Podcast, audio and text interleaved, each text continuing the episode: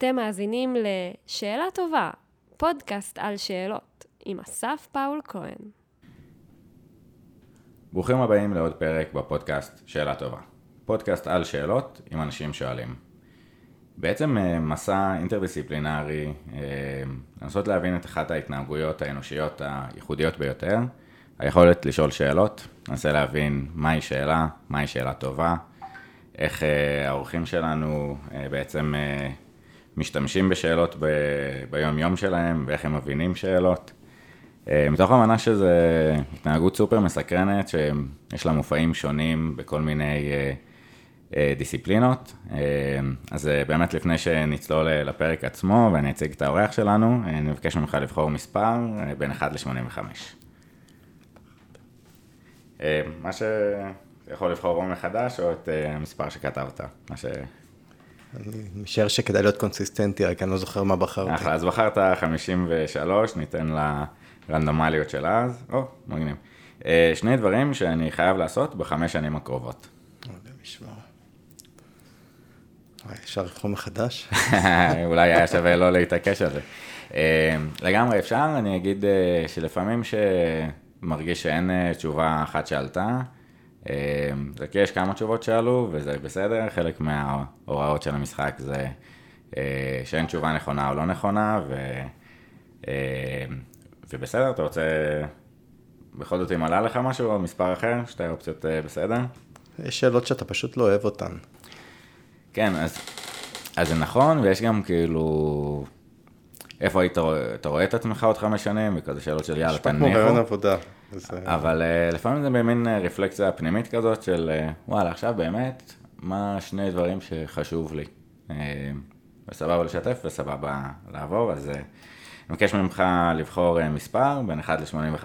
לא, אני משער שאני כן אמצא תשובה. אה, אני מאוד מקווה שבחמש שנים האחרונות, אני, אה, הקרובות, אני אצליח אה, למצוא שאלת מחקר טובה, לפענח אותה, לצלול לתוכה. מחקר או מחשבה טובה דורשת הרבה זמן. הרבה זמן להבין את המשמעויות שלה, וחמש שנים זה בהחלט זמן נכון לחשוב איפה להיות ולגבש מחשבה או שאלה חדשה.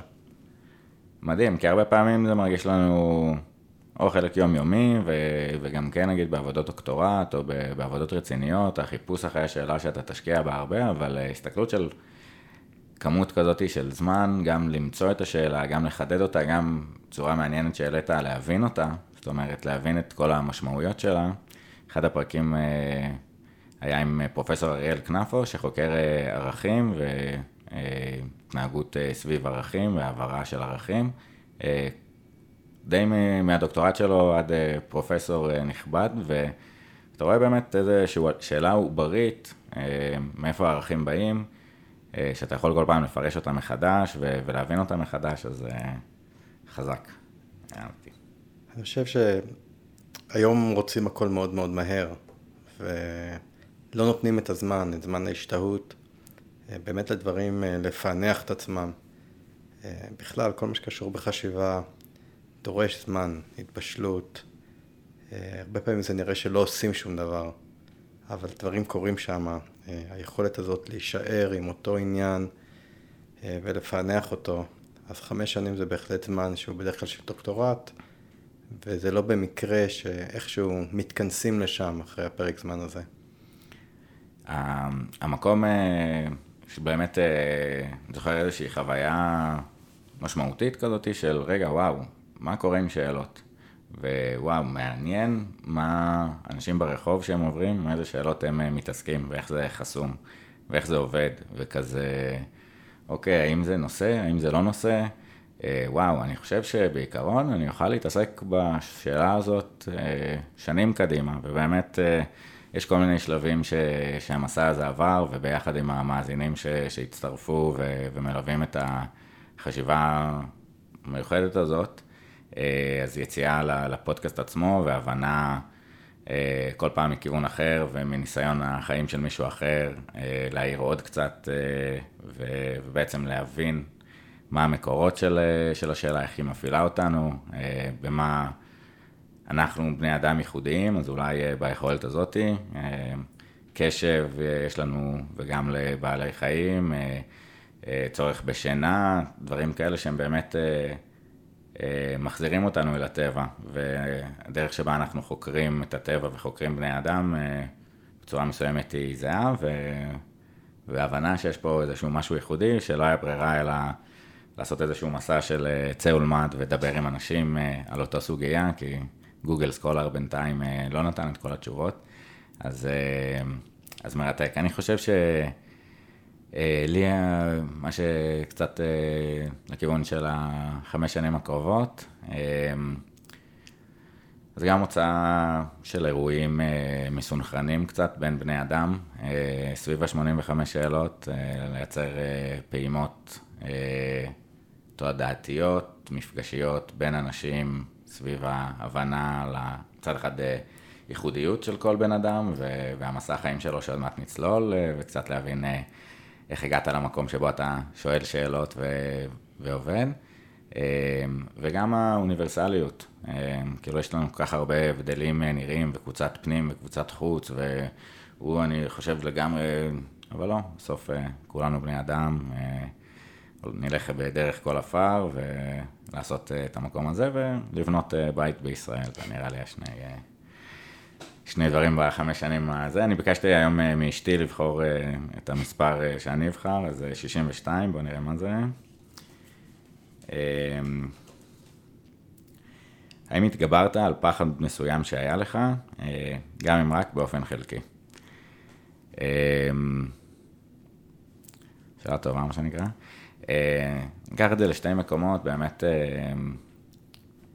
אה, חלק מה, מהדברים שאני עברתי בעשר שנים האחרונות, זה אימא שלי חלתה בסרטן, שוב, סרטן שד כזה בעצמות. זה תהליך קשה, תהליך ש... מורטל סייליאנס, אתה יודע שבאיזשהו מקום המוות באוויר, אבל מאוד דוחק אותו, אה, וכאילו באיזשהו מקום חשבתי אה, שהתגברתי על הפחד הזה, הפחד של אה, לאבד ו- ולהיות חזק אל מול זה. נוכחתי בשעת אמת שזה לא, זה קשה. והדבר השני שזה גם קצת סגירת מעגל עם ה-85 שאלות. זה היה הבנה קשה, כאילו אני אומר, דרך טקסט יחסית קצר, כמה אותיות שזה מגניב, ואתה לא יכול שלא לקרוא אותם, איזשהו אפקט סטרופ כזה של אה, המוח האנושי רואה טקסט וקורא אותו באופן אוטומטית, ושאלות הן עוד יותר עוצמתיות, אתה לא יכול, המוח לא יכול לנוח עד שהוא לא עונה באיזשהו מקום. ופחדתי קצת להוציא את הכלי הזה, כאילו חשבתי שהוא טוב בהרבה דברים, אבל וואלה, מישהו סתם אמר...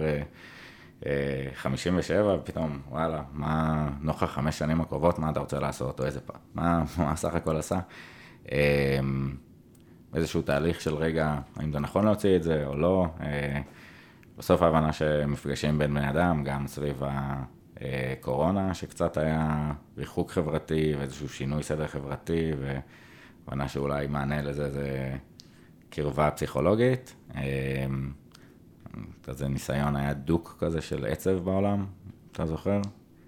עצוב, מפחיד, מה קורה? כאילו, באמת, אה, אה, והבנה שלפתור את הבעיה הזאת רק עם אה, פסיכולוגים קליניים בפגישות, זה קצת כמו לפתור את בעיית הרעב העולמי עם מסעדות משלן.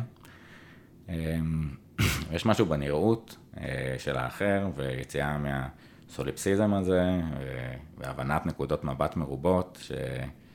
אמ, חזק, אז אה, אני חושב שזה פחד שהשתחררתי ממנו, להוציא את זה ולראות מה, מה זה מייצר. הכיוון שלך, פחד? אה, פחד. זו שאלה טובה, ממה אנחנו מפחדים. כשאני הייתי, כשאני הייתי צעיר, כשאני הייתי ילד, הייתי מאוד מאוד ביישן. אני חושב שביישנות היא במידה רבה איזושהי רגישות מאוד מאוד גדולה למבט של האחר, למה שקורה בעולם. אה, באיזשהו מובן יש פה איזה מין אה, ראש כזה שכל הזמן שואל את עצמו איך אני נראה, או איך שומעים אותי, או מה חושבים עליי, וזה מייצר איזה מין אה, הסתגרות מסוימת. אני חושב שעם החיים, כשאתה לומד להבין יותר טוב את השאלות, שאתה לומד יותר טוב אה, מה אתה רוצה ומה חשוב לך, אז גם כן המרחב בחוץ הוא, הוא יותר ברור לך. כן, קצת המקום של לדעת עצמך, אה, או שאתה מרגיש קצת יותר אה, מוחזקות והבנה עצמית, אז אתה פחות צריך את האישור, אישוש, דחייה מהחברה, ולפעמים זה אולי במקום הזה עוזר. אה, וגם אני מצאתי שכמה שאנחנו חושבים שאנשים מאוד שמים לב לכל דבר שלנו, אז לא כל כך. יש ניסוי כזה שאתה אתה הולך עם חולצה של להקה מביכה כזאת, ואתה מתבייש, ואז שואלים אנשים מה היה שם, ואף אחד לא שם לב, באמת לאף אחד לא אכפת, לטוב ולרע. כן, אני חושב שיש הרבה עוצמה בלהבין שרוב האנשים לא אכפת להם. למרות שאנחנו רוצים שיהיה יותר אה, אמפתיה וכולי, אבל דווקא יש, אה, יש הרבה כוח להסתובב במרחב שאתה יודע שלא שופטים אותך על כל דבר. כן. אה, וגם אם שופטים אותך לעכשיו, זה לא מחזיק להרבה זמן מצד אחד, ומצד שני, גם דיברנו קצת על הסוליפסיזם הזה, כולם באותו מרחב, וכולם, אולי יש להם את הכמיהה הזאת לאמפתיה ולנראות, ולחשוב ברחוב. מעניין אם איזה מספר הוא היה בוחר ומה השאלה שהוא היה מעלה. כל אחד יש את העולם שלו. אז אה, אה, טוב, איזה כיף. אז איתנו היום אה, דוקטור לירן גורדון. לירן הוא דוקטור לפילוסופיה, עובד במל"ג, קצת ננסה להבין מה זה אומר ואיך הדברים הגיעו לידי כך. בעצם מתכנן את ההשכלה הגבוהה בישראל, נושא די גדול.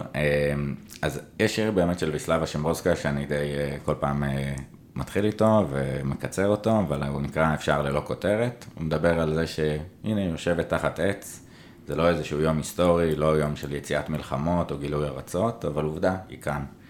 אה, ובגלל שהיא כאן, היא הייתה צריכה להגיע ממקום כלשהו לפני כן ולפני כן, וגם לרגע חולף עבר מפואר. אז uh, עשינו פה סיור במתחם uh, של אה, מכון ון ליר, עם הפסל של איינשטיין, קצת איזשהו האב, אקו סיסטם ייחודי לקידום מחשבה אנושית, טירוף. ואני חושב שבמקום, דיברנו קצת על מקום אוניברסלי וכל הבני אדם אותו דבר, אז בתוך הדבר הזה שהוא מאוד נכון, אני חושב שדי מגניב שאנחנו ישראלים ויהודים וה...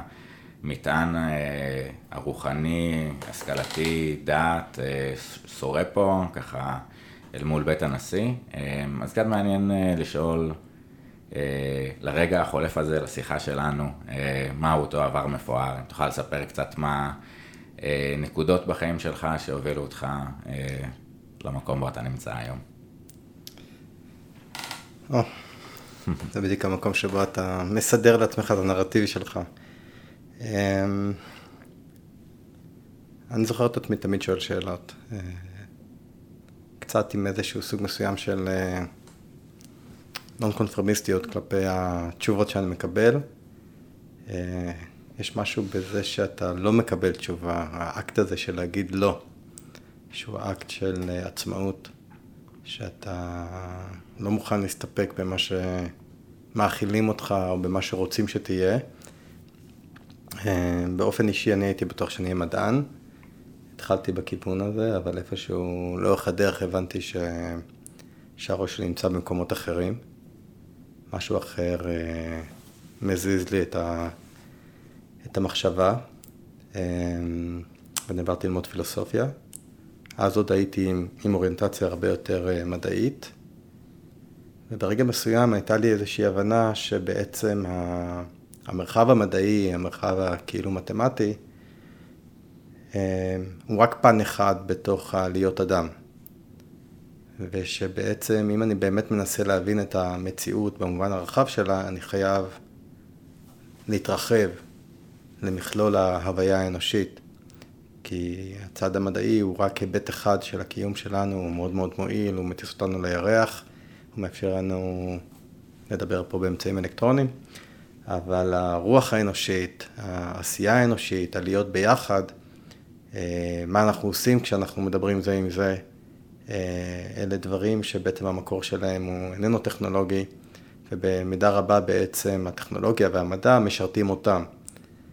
אז אה, בתוך התהליך האינטלקטואלי שאני עברתי, בעצם מכיוון שהוא היה הרבה יותר מונחה ודאות, התחלתי דווקא להבין שהמרחבים העמומים הם המרחבים היותר מעניינים, אלה המרחבים שבהם האדם, המשמעות שלו ומה הוא עושה בלהיות שלו נמצאים. וככה אני לאט לאט התרחבתי למקומות אחרים, מקומות יותר של פילוסופיית האדם, של תיאולוגיה, של היסטוריה. מבחינתי כל ההיסטוריה האנושית היא בעצם היצירה האנושית, ולכן יש אפשרות אחת לשאול מה עשינו מבחינת אה, פעולות שעשינו, ויש אפשרות אחרת לבוא ולהסתכל על זה כעל מערכת יצירה שלמה, שמנסה במידה רבה להבין את עצמה, לבטא את עצמה, בתקופות שונות. אה, דיברנו על שאלות, אחד הדברים ש... הבנתי שלמעשה מערכות פילוסופיות שונות זה כמו אמפליפיירים שונים, שבעצם מגבירים ומנמיכים תצורות שאלות מסוימות, כך שבתקופות שונות אנחנו יותר ממוקדים על היבטים מסוימים, ואילו היבטים אחרים אנחנו מתייחסים אליהם פחות. אה, ובעצם כל, ה... כל ההיסטוריה האנושית היא איזשהו מרחב מוזיקלי כזה של שאלות שאנחנו לפעמים נותנים את צלילים מסוימים להיות יותר דומיננטיים ולאחרים אה, שמים אותם יותר בחושך. אה, וזה נותן קצת, אה, אנחנו פחות מסתכלים על זה כאילו משהו מסוים אמיתי, אלא יותר השאלה היא מה בעצם אנחנו מסוגלים לעשות באמצעות החשיבה שלנו, באמצעות היצירה שלנו. מטורף, זה באמת נגע פה בכמה אה, נקודות קרדינליות שאני אספתי בדרך בחשיבה. אחד זה באמת האתגר המדהים של הבנת המציאות.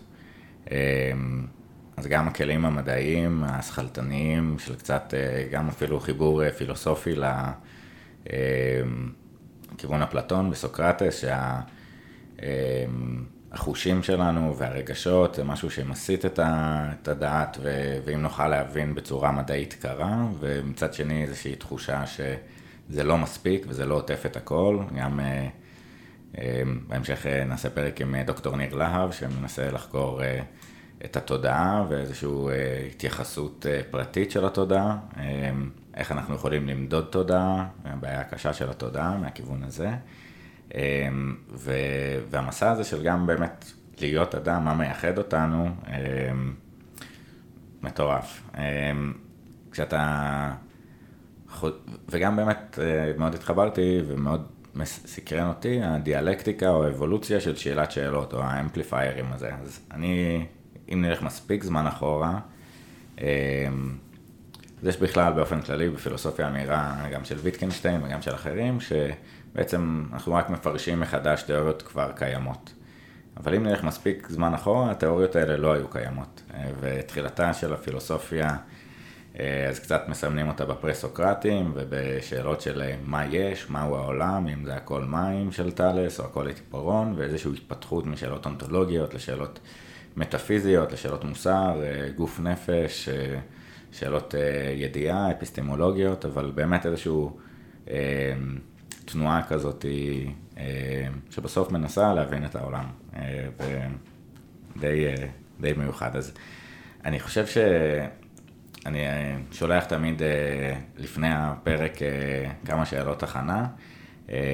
ושאלה שאני מאוד אהבתי שכתבת, יש שאלה של שאלה שמעסיקה אותך לאחרונה.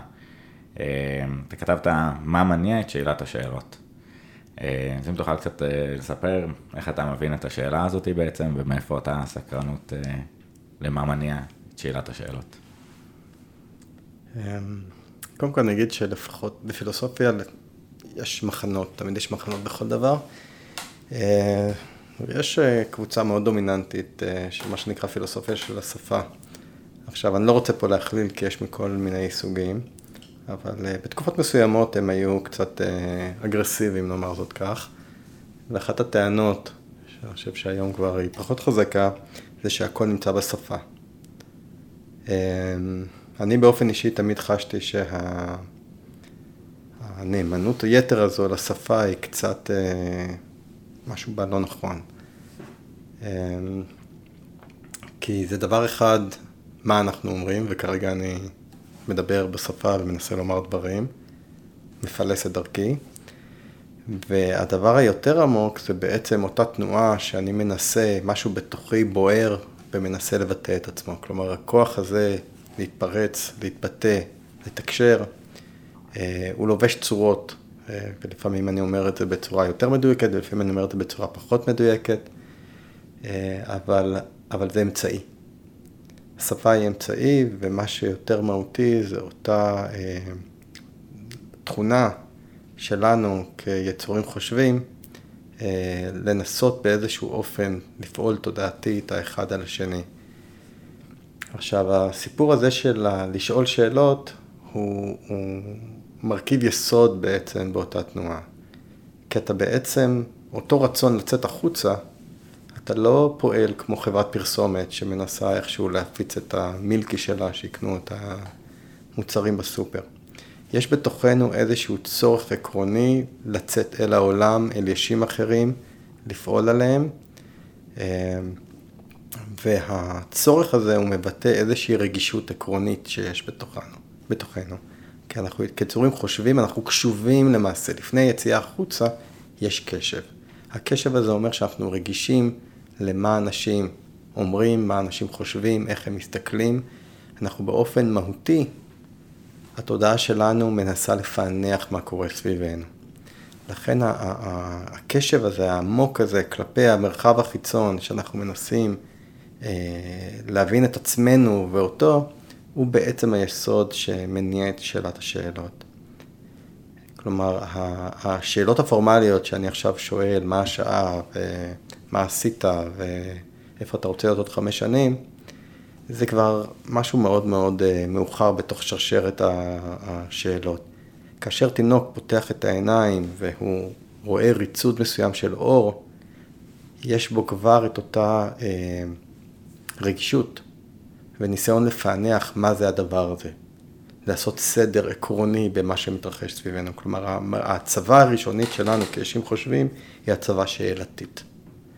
ואז מתחיל תהליך דיאלקטי, כמו שאמרת, שאנחנו מתחילים באמת מאבנים מאוד מאוד פשוטות, אה, ולאט לאט אנחנו בעצם בונים תיאוריות בתוך הראש שלנו לגבי אה, אה, מה זה העולם הזה ומה זה האנשים האלה שנמצאים סביבנו, אבל הכל נובע מאותה רגישות באמת יסודית שלנו אל המרחב, שזה, שזה במידה רבה אולי המאפיין העליון ביותר של מה זה להיות יש חושב. זה מדהים באמת גם, ה... אתה יודע, קשה לנו לפעמים אה, לנסוע בזמן לאפריקה שלפני 200 אלף שנה ולראות את ה-emergence אה, של שאלות באיזשהו מקום, או של היש החושב, אה, אם קצת לחזור לנקודת מבט האבולוציונית. אני חושב שזה גם קסם שאפשר לראות את זה בילדים, ובאמת אותו sense making של העולם, להיזרק לעולם בלי בחירה, אולי... היידיגר קרא לזה דיזיין, להיות בעולם, אה, והצורך להבין מה קורה מסביב ולסדר אה, ולשאול מה זה גבר ומה זה אישה, מה זה אה, המציאות הזאת, האם אני יכול להיות בטוח, מה זה האור הזה, איך עושים שלום, ההיווצרות של המורכבות של המערכת, גם ביולוגית, קשרים במוח והפופטוזיס והבניה מחדש ומרכוב של המערכת הזאת. אה, מחד ברמה הביולוגית, אבל גם באמת הבנת הסביבה, עד שאנחנו מקבלים איזשהו פיצוץ של שאלת שאלות אה, בילדים אה, גיל שנתיים עד ארבע, פחות או יותר, של באמת making sense of the world. אז, אז זה במובן העמוק, אחד השימושים שאנחנו עושים בשאלת שאלות, להבין את העולם, לקטלג, לסדר. יש עוד סוגי שאלות אה, איכותניות, אה, איכותית שונה מהסוג הזה של ה sense making בעולם שאתה מבדיל ביניהם? אני רק אומר שמבחינתי שאלת שאלות היא לא ייחודית לאדם. Mm, מעניין. כלומר, כאשר כל יצור אה, שהוא בעל יכולת חשיבה, כאשר הוא נמצא ב... בכל מצב שהוא למעשה, הוא נמצא במצב שהוא מפענח את הסיטואציה. יכול להיות שהוא לא שואל את זה בצורה שפתית, אבל הוא בהחלט מנסה אה, לפענח מה קורה סביבו, האם אה, אה, דבר מה מהווה איום, האם דבר מה הוא ידיד, האם במקום מסוים יש אוכל או יש מחסה. כל יצור חי בעצם מתעסק בדיוק בדברים האלה, והוא עושה את זה בצורה הרבה יותר מיידית. כלומר, הוא לא מבצע רפלקציה גבוהה יותר על ההיבטים האלה, אבל כאשר עובר, אני מגיע לפח זבל ונמצאים שם חתולים, הם מיד מנסים לפענח את, ה, את הסיטואציה, האם אני מהווה איום ולברוח, או שאפשר להישאר שם. אמ, אבל זה בדיוק, זה מביא אותנו לאיזושהי, אה, אני חושב, נקודה שהיא מאוד מאוד אה, ויכוח עקרוני, האם מקור השפה הוא בטכנולוגיה השפתית, או שבעצם השפה היא באיזשהו מובן סוג מסוים של שדרוג, שדרוג מאוד מאוד משמעותי, שמאפשר לאדם לעשות המון המון דברים שלא יכולנו לעשות לפני כן, אבל הוא בעצם אה, אה, רוכב על עיקרון יותר עמוק של מה זה אומר להיות יש חושב. והסיפור הזה של, ה, של ה, לשאול שאלה, אני חושב שהוא יסודי יותר מהשפה. השפה כמובן, כאשר היא מגיעה, היא משכללת מאוד את, ה, את מה אנחנו יכולים לבצע אה, באמצעות זה, כמו שהאינטרנט שדרג מאוד מאוד את הקונקטיביטי שלנו אל אה, כל מקום בעולם, ויכולת שלנו להזרים ידע, ואנחנו רואים את זה עכשיו עם כל המהפכה של AI, אבל זה יהיה מוטעה לחלוטין לחשוב שבעצם ה... האינטרנט הוא זה שהמציא את הסיפור. הוא יצר אמפליפיקציה מאוד מאוד גדולה. אמ, ושוב, כאמור, מבחינתי הסיפור הזה של לשאול שאלה, כשאנחנו מנסים להבין את המקור שלו, הוא באמת הולך אל היסודות המאוד מאוד אה, ראשוניים של מה זה אומר להיות יש חי. אנחנו רואים את זה בכל גור חתולים, בכל גור כלבים. אה, זה לא, זה לא משהו שהוא מעורר פליאה, הוא מעורר פליאה במובן הזה של היופי של הטבע, אבל אתה לא חושב שאתה רואה פה איזשהו פלא במובן הזה שרק האדם ניחן באותה יכולת. אדיר, אני באמת, אה, כאילו גם ההפרדה, השאלה האם אה, זה ייחודי לאדם, ומצד אחד אנחנו חלק מהטבע, ומצד שני אנחנו מרגישים שאנחנו שונים מהטבע בהרבה מהדברים. אמ, וגם החיבור השפתי, זאת אומרת, אה, בהאנשה ניסו ללמד אה, גורילות ושימפנזות אה, שפת סימנים. והם הצליחו לתקשר ולהבין שפה ו- ולדבר, אבל לא היה מנטיפ... מנ... הופעה של שאלת שאלות בתוך המבנה השפתי הזה. אז זה מחד, כאילו אנחנו אולי רואים קושי במכשיר השפתי והפקת שאלות ואולי theory of mind והבנת נקודת מבטו של האחר, ש... יש ידע שאני יכול לקבל מאחר בצורה מסוימת. אמ, ואני חושב שבהבנת העולם וסוג האנשה של שאלת שאלות שאנחנו נותנים אולי לחתולים או ליצורים אחרים, של באמת הבנת המציאות, או הכלב שלפעמים מסתכל עליך במבט של כזה, אה, ומה, מה התכוונת? אה, שאתה מרגיש איזושהי שאלה שנשאלת שם, או ניסיון להבין. אמ, אבל אולי צריך את אותה רפלקסיה, את אותו גם ברמה המדעית פריפרנטל קורטקס, העונה המצחית שככה משהה את האינסטינקטים שלנו כדי לצאת מאותו אה, אלגוריתם חתולי של אוקיי, אם מתקרב עד לכאן אז אני זז, ולא איזושהי חשיבה של אוקיי, איך אני מרגיש לגבי זה, והאם פה, אלא מה שעבד לאורך זמן, איזשהו העברה של קידוד של התנהגות וביטויים בגנים, תורת המשחקים. אה, שרצה אלפי שנים כזאת, אה, והנקודה שאתה גם העלית, שאני חושב שהיא מאוד מעניינת, זה גם אם נגיד ניתן אה, לחיות את היכולת של שאלה שאלות, היכולת של המטה-קוגניציה, של החשיבה על השאלה, ו- וניתוק והפשטה והשלכה על המציאות, היא אולי קצת יותר אנושית. אז אם יש לך קצת חשיבות, חשיבה על, על המקום של באמת הייחודיות של השאלת שאלות על שאלות. אמ, קודם כל, חשוב לי לומר שלאדם יש יכולת ייחודית, שלא יחשבו שאני חושב שחיות חושבות באותה מידה שבני אדם חושבים. לפעמים יש אנשים, נגיד, מלמדים אותנו לעשות תרגילים בחשבון, מלמדים אותנו לוח הכפל, והרבה פעמים אנשים מגיעים ל proficiency ביכולות האלה, אבל הם לא באמת מבינים את המתמטיקה שנמצאת מאחורי זה. כשאתה רואה מתמטיקאי או מישהו שהוא באמת חושב בצורה מופשטת על הדברים האלה, אתה רואה שהוא נמצא באיזה מרחב אחר. אז גורילות אפשר ללמד אותם לתקשר באמצעות שפה כביכול, אה, כמו שמלמדים אנשים להשתמש בלוח הכפל, באופן אינסטרומנטלי, באופן שמאפשר להם אה, יחסית לקחת איזשהו רצון מסוים, ואז אתה עושה פעולה מסוימת, ואז אתה מקבל את ה... את ה-outcome שאתה אני אתה מיץ רוצה. תפוזים, אני לוסי מיץ תפוזים, בדיוק.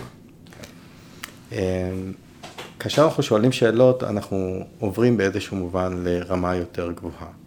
כלומר, אנחנו מצליחים לנתק את השאלה מתוך מרחב הפעולה של השאלה. מתוך מערכת הפעולה והתגובה שבתוכה יש שימוש נכון ושימוש לא נכון אה, בשאלה מה השעה. ואז אני מקבל תשובה שהשעה עכשיו היא בסביבות 12 בצהריים. כאשר אנחנו שואלים שאלה על הזמן, או מה זה אומר בכלל זמן, או למה אתה מתכוון כשאתה אומר שהשעה היא 12 בצהריים, ואז אתה באיזשהו מובן מבצע איזשהו מעתק, אתה מעביר את עצמך למקום שאתה אומר לעצמך רק רגע 12, זה חלק מאיזשהו לוח מסוים של באמצעותו אנחנו מודדים זמן וכולי וכולי, אתה בעצם מצליח לעבור מרובד שמשמש אותך אה, בפעולות, לרובד שבאמצעותו אתה מפענח ומבין אה, מערכות חשיבה. והדבר הזה בהחלט, אה, אה, הוא, הוא זקוק, אנחנו זקוקים לשפה על מנת לעשות את זה. השפה או רמת חשיבה מופשטת נדרשת על מנת אה, אה, לנתק את הפעולות מתוך המרחב הקוזלי שבתוכן אה, הפעולות אה, מתקיימות, ושאנחנו בעצם יכולים להתחיל לחשוב על, ה, על, ה, על השאלות, על אובייקטים מנטליים, בצורה שהיא מנותקת, בצורה שאנחנו בעצם בונים אה, מובנים חדשים. שאלת אותי מקודם, ספר לי על מי אתה ומה הביאך עד הלום. באותו הרגע בעצם אתה הצבת אותי באיזושהי נקודה מסוימת שאני פתאום לקחתי את עצמי, שמתי את עצמי כאובייקט והתחלתי לספר סיפור שבאמצעותו אני נותן תשובה למעשה על השאלה שלך, אבל אני בעצם מפענח את השאלה עצמה. אז, אז. אותה הסתכלות ואותה הפשטה, אז, אז אמרנו קצת שאלות של מה אפשר את זה בכלל ומה הדבר שבאנלוגיה, הצתת האש הראשונה, אז היא פחות מעניינת, או כרגע מעניינת מה אפשר את אותו חשיבת מטה, אבל מה אתה חושב שהיו ההשפעות של אותו מהפכה מטה-קוגניטיבית או יכולת להיות בדיאלקטיקה עם, גם עם סובייקטים אחרים וגם עם, עם מושגים אחרים? אני חושב שהרבה פעמים מה שגורם למשהו הוא פרוזאי לחלוטין. זה איזשהו, איזושהי סיטואציה מסוימת שבגללה נוצרת תאונת עבודה כזו או אחרת, שבמסגרת תאונת העבודה הזו יש לה שימוש מאוד ספציפי ומועיל לאותה סיטואציה שהיא לחלוטין לא קשורה להשלכות העתידיות שלה.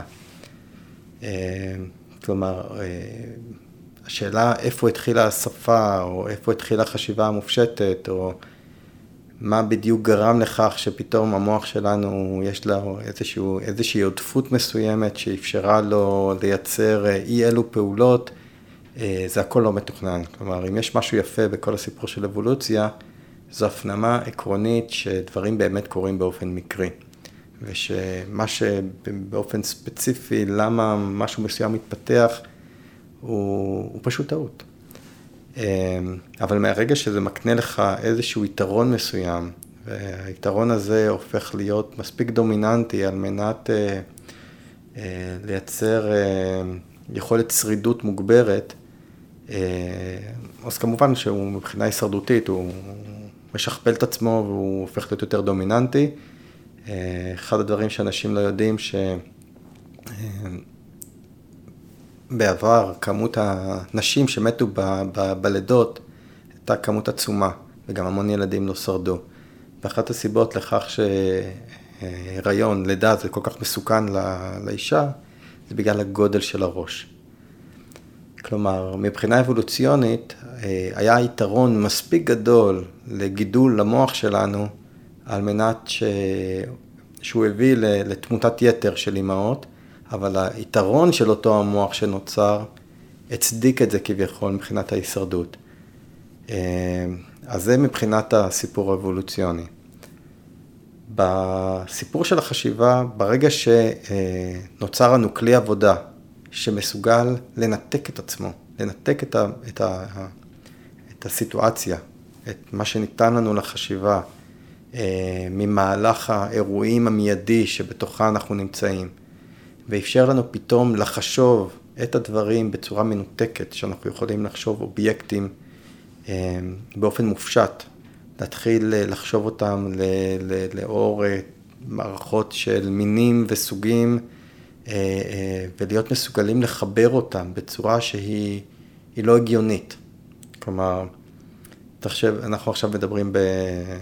באמצעות מחשב, באמצעות מיקרופון, באמצעות מערכות מאוד מורכבות, שבשביל לבנות אותן צריך סדרה של פעולות מאוד מאוד ארוכה, מאוד לא טריוויאלית, מאוד לא אינטואיטיבית, והיכולת הזאת בעצם לייצר איזשהו סוג מסוים של אלגוריתם, שבאמצעותו אנחנו יוצרים סדרת פעולות, שא' מוביל לב', שמוביל לג', שמוביל לד', שמוביל לה', שמוביל לצעד ה-677. ובסופו של דבר אנחנו מגיעים לאיזשהו יעד מסוים שבשבילו עשינו את כל התהליך, זה בעצם היתרון האבולוציוני שאנחנו קיבלנו באמצעות החשיבה, וזה מה שאפשר, הפך אותנו ליצורים טכנולוגיים. כלומר, בעל חיים יכול לזרוק אבן, בעל חיים יכול לחפור באדמה, בעל חיים לא מסוגל לקחת סדרת פעולות מאוד מאוד ארוכה, ובאמצעותה לבנות אינסטרומנט שבסופו של דבר ייצר איזשהו value מסוים שהוא מאוד מאוד רחוק. ואת זה אנחנו מסוגלים לעשות באמצעות המחשבה שלנו, וזה היתרון שכביכול קיבלנו. זה לא מוביל אותנו לשאלת שאלות. אני חושב אבל שכאילו א', באמת מטורף, והבנה שיש איזושהי התנהגות שהייתה מספיק חשובה ושהיא הבדילה אותנו ואפשרה כשירות יתר ועודפות, על אף הסיכונים והתמותת אימהות ותמותת עוברים. גם אנחנו רואים שהתינוק האנושי נולד עם מרפסים מאוד פתוחים, כדי שהמוח יוכל עוד להמשיך לגדול אחרי ולמצוא את הסוויט ספוט הזה, ואז באמת נולדים מאוד לא אפויים ביחס לפילים או ג'ירפות שצריכות ישר להגן על עצמם, התלות ההדדית הזאת היא עוד איזשהו מחיר ומשאבים הוריים שאנחנו לא רואים הרבה בעולם הטבע. ובאמת מבחינה אינסטרומנטלית, אז יש גם emergence קצת של עוד חיות שאנחנו שמים לב שהם משתמשים בכלים פשוטים, אורנגוטנג, יש תוכים ועורבים שבאמת עד סדרה של 12 שלבים אפילו של פתרון בעיות, שאנחנו רואים איזושהי מכניקה כזאת. אבל נקודה מאוד מעניינת שעלתה לקראת סוף הדברים, היכולת לתכנן קדימה או לאיזשהו value עתידי, זה בכלל גם ההבנה של, של הזמן באיזשהו מקום, המצאת המחר או ההבנה שיכול להיות שזה לא עוזר לי עכשיו לחדד את האבן הזאתי במשך כמה שעות לעכשיו, אבל אחר כך שאני אלך לצוד את הממוטה, וואלה זה, זה יהיה שווה, או בסוף לגדל את ה... העץ הזה שאני משקה אותו כל יום ואחר כך יניב לי תשואות, אז זה באמת המקום של ההבנה שאנחנו מתקדמים לאיזשהו עתיד משותף כזה, גם שאלה חזקה. אני חושב שכשחוזרים לשאלה מה זו שאלה, היא בעצם מכוננת באיזשהו מובן את הסיפור של העתיד, ודרך הסיפור של העתיד אנחנו גם בונים את העבר. כלומר, כאשר אתה נמצא באיזושהי דיספוזיציה, איזושהי נטיית יסוד כלפי המציאות, באופן שאתה תוהה מה בעצם הולך לקרות, או מהו דבר מה, אתה בעצם נמצא ביחס פתוח כלפי האובייקטים הניתנים לך, ואתה מנסה בעצם באופן עקרוני לומר להם מה הם.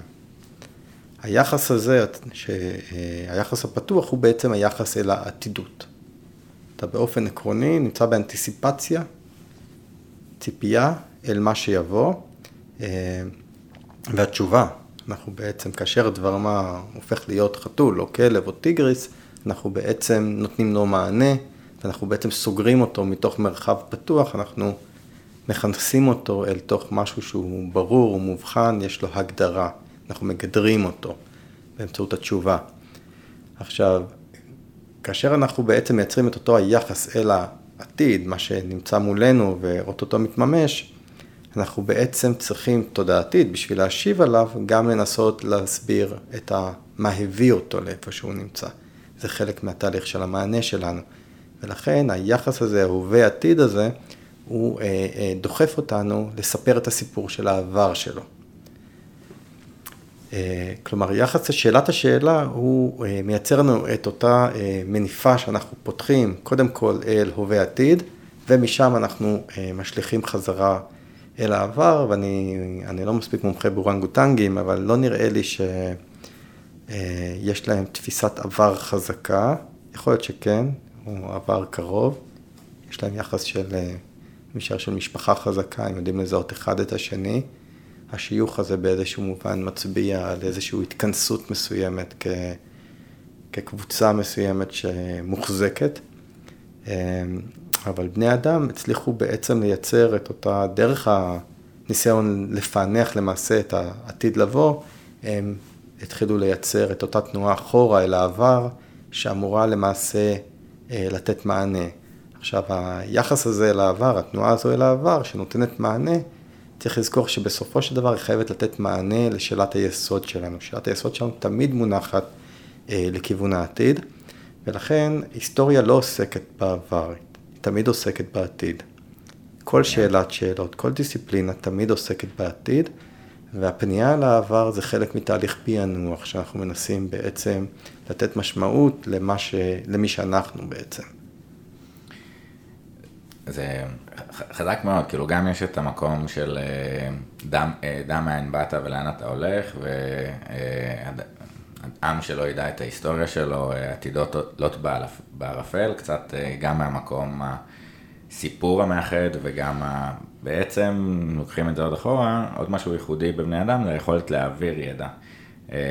אם זה בעבר תורה שבעל פה או בציורים על מערות, עד המצאת... אה, הכתב והאלף בית אה, פה לידינו בסיני, אה, מוז... אותיות פרוטו סינאיות ובהמשך עברית, א' הרי זה מאלוף, אז אלפאבית גם קצת שלנו, מגניב. והיכולת להעביר ידע מהעבר אל העתיד.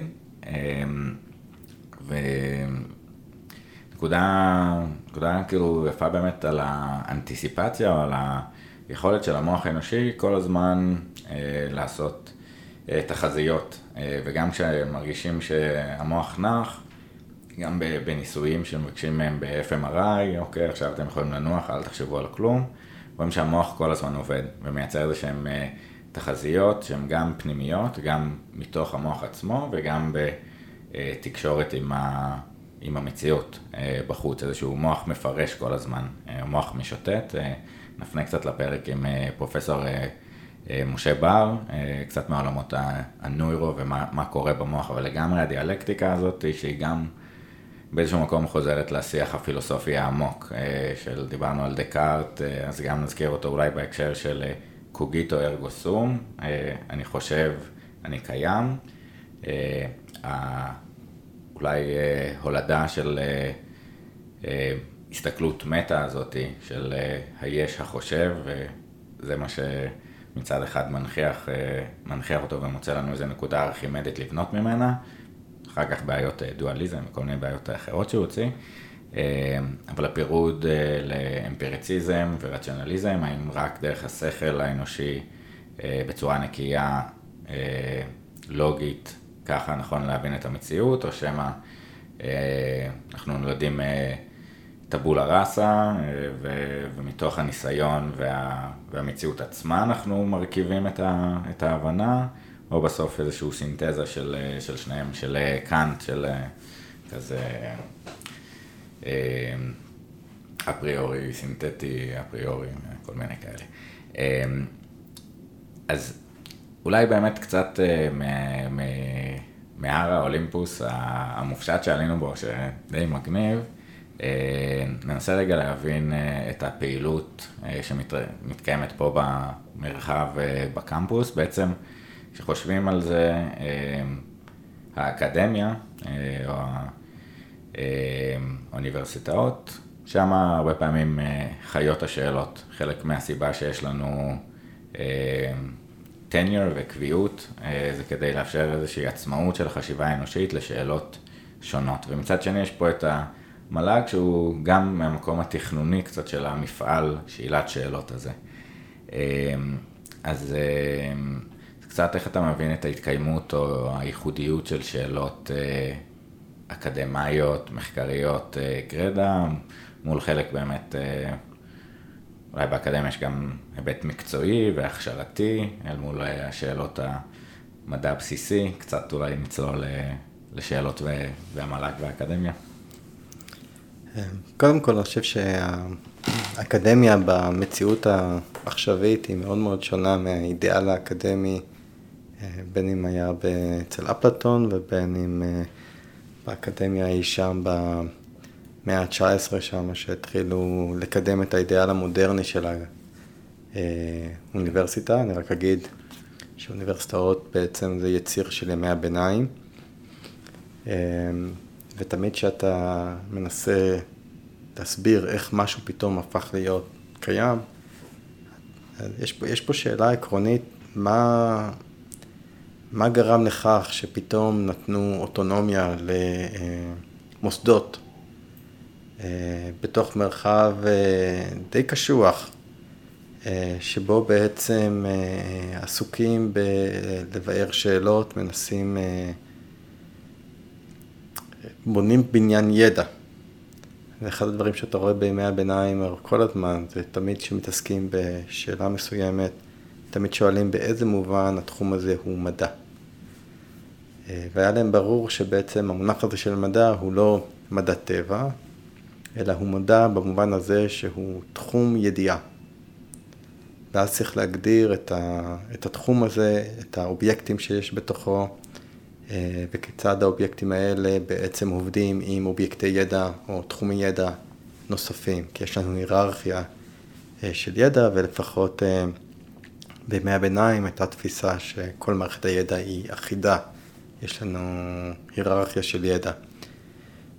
הדבר הזה נשבר למעשה במציאות המודרנית, אנחנו די ויתרנו על היכולת שלנו לאגד את כל הידע באיזה מין מבנה על אחד.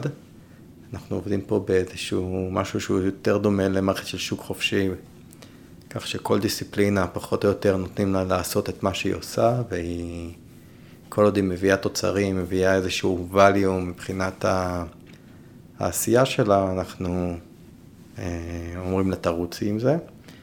אה, ולכאן נכנסה המדינה שבאיזשהו מובן הבינה שהמפתח להצלחה של המדינה זה בסופו של דבר היכולת שלה להעמיד אה, אזרחים משכילים שהם בעלי כישורים, ואני חושב ש-90 ומשהו אחוז בעצם, כשאתה מסתכל על מה האקדמיה עושה היום, אה, זה היבטים שונים שקשורים ביכולת של המערכת לקחת אנשים, להקנות להם כישורים אה, לשוק העבודה או למרחב החברתי כזה או אחר. ו, ובתוך השיח הפוליטי, שמאוד מאוד אוהבים לצייר את הכל כאילו זה הם בעלי אג'נדות ו, ואני לא יודע מה, אה, אני חושב שלא מבינים שבאמת רוב הפעילות של מה שמתרחש באקדמיה, זה באמת נועד לשרת אותך כשאתה מגיע לרופא, או כשאתה הולך לבנק ויושב מישהו שמבין מה הוא עושה עם כסף. אה, או כמובן אנשים שיושבים ומתכנתים ומכניסים בסופו של דבר הרבה מאוד כסף לאוצר המדינה. זה מה שרוב האקדמיה עוסקת בו, הכשרה של האנשים. אמ, על הדבר הזה יש קומות נוספות, כלומר כשמסתכלים על הקומה המרכזית של מה האקדמיה עושה, זה בעצם להכשיר מאות אלפי אנשים לשוק התעסוקה ולחיים שלהם. על הדברים האלה יש קומות נוספות, אלה הקומות המחקריות, אלה הקומות שבסופו של דבר דוחפות את, ה, את בניין הידע, ומכשירות בעצם את הקצינים של המערכת, שהם הופכים להיות, נקרא לזה, האג'נטים שמייצרים את הידע ודוחפים אותה ומעמידים אחר כך את התלמידים השונים. אמ, אני חושב שיש, שזה מאוד, המל"ג בנוי בצורה שבעצם הוא אמור להיות בעל אוטונומיה מהמערכת הפוליטית. המערכת הפוליטית אנחנו יודעים שהיא משתנה בהתאם לחדשות השונות ובהתאם לצרכים המיידיים של השחקנים השונים שנמצאים בתוכה. אבל זה מאוד מאוד חשוב שמערכת האקדמית באיזשהו מובן אה, אה, חיה במרחב שהוא יותר רגוע, מרחב שיכול להגדיר לעצמו מטרות ארוכות טווח, לאן אנחנו רוצים להוביל. אני סתם אתן דוגמה, אם אנחנו עכשיו מביאים ועדה מסוימת שבודקת תחום מסוים, השאלה הכי עקרונית, לפחות מבחינתי, זה איפה העולם יהיה בתחום הזה עוד עשר שנים, עוד חמש עשרה שנה. אנחנו צריכים בסופו של דבר לשאול איך אנחנו עכשיו בונים את המעבדות הנכונות, איך אנחנו מגייסים את כוח האדם הנכון, איך אנחנו עושים את, ה, את השינויים המבניים כך שאנשים יהיה להם את הזמן לחקור ו, או, או לייצר מחקר משמעותי. לפעמים דוחפים אנשים לפרסם, לפרסם, לפרסם, אבל הדבר הזה יכול בסופו של דבר לייצר סוג מסוים של אה, אינפלציה של פרסומים על פני אה, האיכות שלהם. וחלק גדול בעצם ממה שעושים במל"ג זה בדיוק לייצר את המגרש משחקים ואת הכללי משחק אה, ואת היכולת להעביר תקציבים בצורה שבאמת יצלח, תצליח לייצר צמיחה. זה, זה אקו סיסטם וריף אה, מופלא לייצר אותו, אה, ובכמה נקודות, אה, גם ברמה ההכשרתית, והאדם שנכנס לאוניברסיטה ויוצא באוניברסיטה, אז זה גם היכולות המקצועיות שאולי הוא רכש, וכלכלן רואה חשבון, אמ, אבל זה גם ההסתכלות על המציאות והמשקפיים שהוא מרכיב אה, לאורך חייו, אמ, שהן שונות. והנקודת עצירה הזאת והסתכלות שהיא פחות אה, מהיד אל הפה, אלא באמת יותר חשיבה מופשטת בשלל דברים. פרק עם ניל צור, אה, זה עלה בצורה מאוד אה, חזקה, שהוא למד אה, מצד אחד פיזיקה ומצד שני יחסים בינלאומיים. השילוב הזה של שני עדשות שונות, ובסוף גם הסינתזה של זה, של לייצר איזשהו משהו חדש והתבוננות ייחודית והבנת המציאות, אז, אז זה גם באמת הערך של זה, אז תודה, מגניב. וגם מעבר לזה, איזה מטורף להרחיב את הידיעה האנושית אה, ולהגדיל את המעגל ון הזה על ידי אותה שאלה מדויקת, שיכול להיות שנצטרך לבנות אה, בשוויץ, אה, נחפור כמה קילומטרים מתחת לאדמה רק כדי שנוכל לבדוק אם יש חלקיק בוגס כזה או אחר, או לבנות FMRI ולהביא, לייצר את המערכת, גם התקציבית מבנית אה, להרחבת הידע האנושי. מטורף. אה, הרבה פעמים באמת השאלות, אה, ברגע שהן נפתרות, הן מאבדות מהקסם שלהן. זה הופך לערך בוויקיפדיה או לשיעור באוניברסיטה, ככה היה הניסוי, זה מה שמצאנו והנה התיאוריה הוששה או לא הוששה. אבל הקסם הזה של שאלה חדשה, שאלה ש... של חוסר ודאות כזאתי, התשובה עליה תרחיב את הידע האנושי, זה אה, מטורף לאפשר את זה. וגם חשיבה ארוכת הטווח ש, שאמרת, שזה גם נקודה מאוד חשובה, כאילו, א', לנסות לחזות את העתיד ולהתמקם אל מולו, מה יאפשר, איפה יהיה אה, אינטליגנציה מלאכותית, או אה, מחשוב קוונטי והבנה קוונטית, ואיפה מדינת ישראל אל מול האתגרים האלה, ו... באמת להיות ספינה ששטה אה, קדימה. אה, יש אה, כאילו הבנות שלך של איזה סוג שאלות היינו רוצים לקדם יותר במל"ג, או כאילו איזה סוג עיסוקים משמעותי לאקדמיה לעסוק בה? האם יש כאילו גם איזושהי דיאלקטיקה בין המל"ג לתחומי מחקר, או לשאלות שנשאלות, איפה המערכת יחסים בתוך זה? קודם כל יש מה שנקרא אה, תוכניות דגל, שזה דברים ששמים עליהם כסף. אחת הדרכים בעצם לגרום לדברים לקרות, זה פשוט לשים עליהם כסף ולגרום לגורמים השונים לרדוף אחריו, אה, ואז אתה מנסה כן לשים אותו על דברים שהם אה, בסופו של דבר יביאו value. הרבה פעמים אתה עובד בצורה שאתה מפזר את הכסף מתוך תקווה שאחוז מסוים ממנו אה, יחזור בסופו של דבר ויצדיק את עצמו. כן, איזשהו מודל של VC, קרן הון סיכון, אתה לפזר את זה על סטארט-אפיסטים או על אה, אה, מדענים, מתוך הבנה שחלק אה, יעשו לך את ה-10X, את ההבנה, את הניסוי אה, הקוונטי, ש... שנבין יותר טוב את המציאות, או איזושהי תרופה, או... אז זה יכול להיות בעניינים של מחשוב קוונטי, שזה אכן תחום שזכה לכספים, עניינים שקשורים ל-AI, לדאטה סייאנס, עכשיו יש עניינים של אה, אנרגיה ירוקה וכל הסיפור הסביבתי. אה, שוב, האופנים שבהם מתמרצים דברים, זה יכול להיות באמצעות כסף, זה יכול להיות בהיבטים רגולטוריים כאלה ואחרים. יש עניינים של מלגות, הרבה מאוד כסף הולך על מלגות. בהקשרים האלה, חלק מהם זה על מלגות מצוינות, חלק מהם דברים שקשורים באנשים שמגיעים ממקומות יותר פריפריאליים, פחות זכו בהשכלה, נשים, ערבים, יש בעצם... המל"ג אה, בעצם, זה בעצם אחד הדברים שמדינה יכולה לעשות, למרות שאנחנו נחשבים תאגיד ציבורי ולא, אה, אנחנו לא עובדי מדינה פרופר, אה, אבל היכולת הזו לייצר איזושהי השפעה מתוך הגדרת מטרות שהיא רחבה. אז אנחנו לא אומרים לאוניברסיטאות מה לעשות, אנחנו לא מתערבים בשום צורה בחופש האקדמי שלהן, אבל אנחנו כן יכולים לתת פושים. אה, ולסייע לדברים מסוימים אה, להתרחש. יש כל מיני דברים שמוסדות, הם, אה, אין להם מספיק את הגודל, את הכוח לבצע.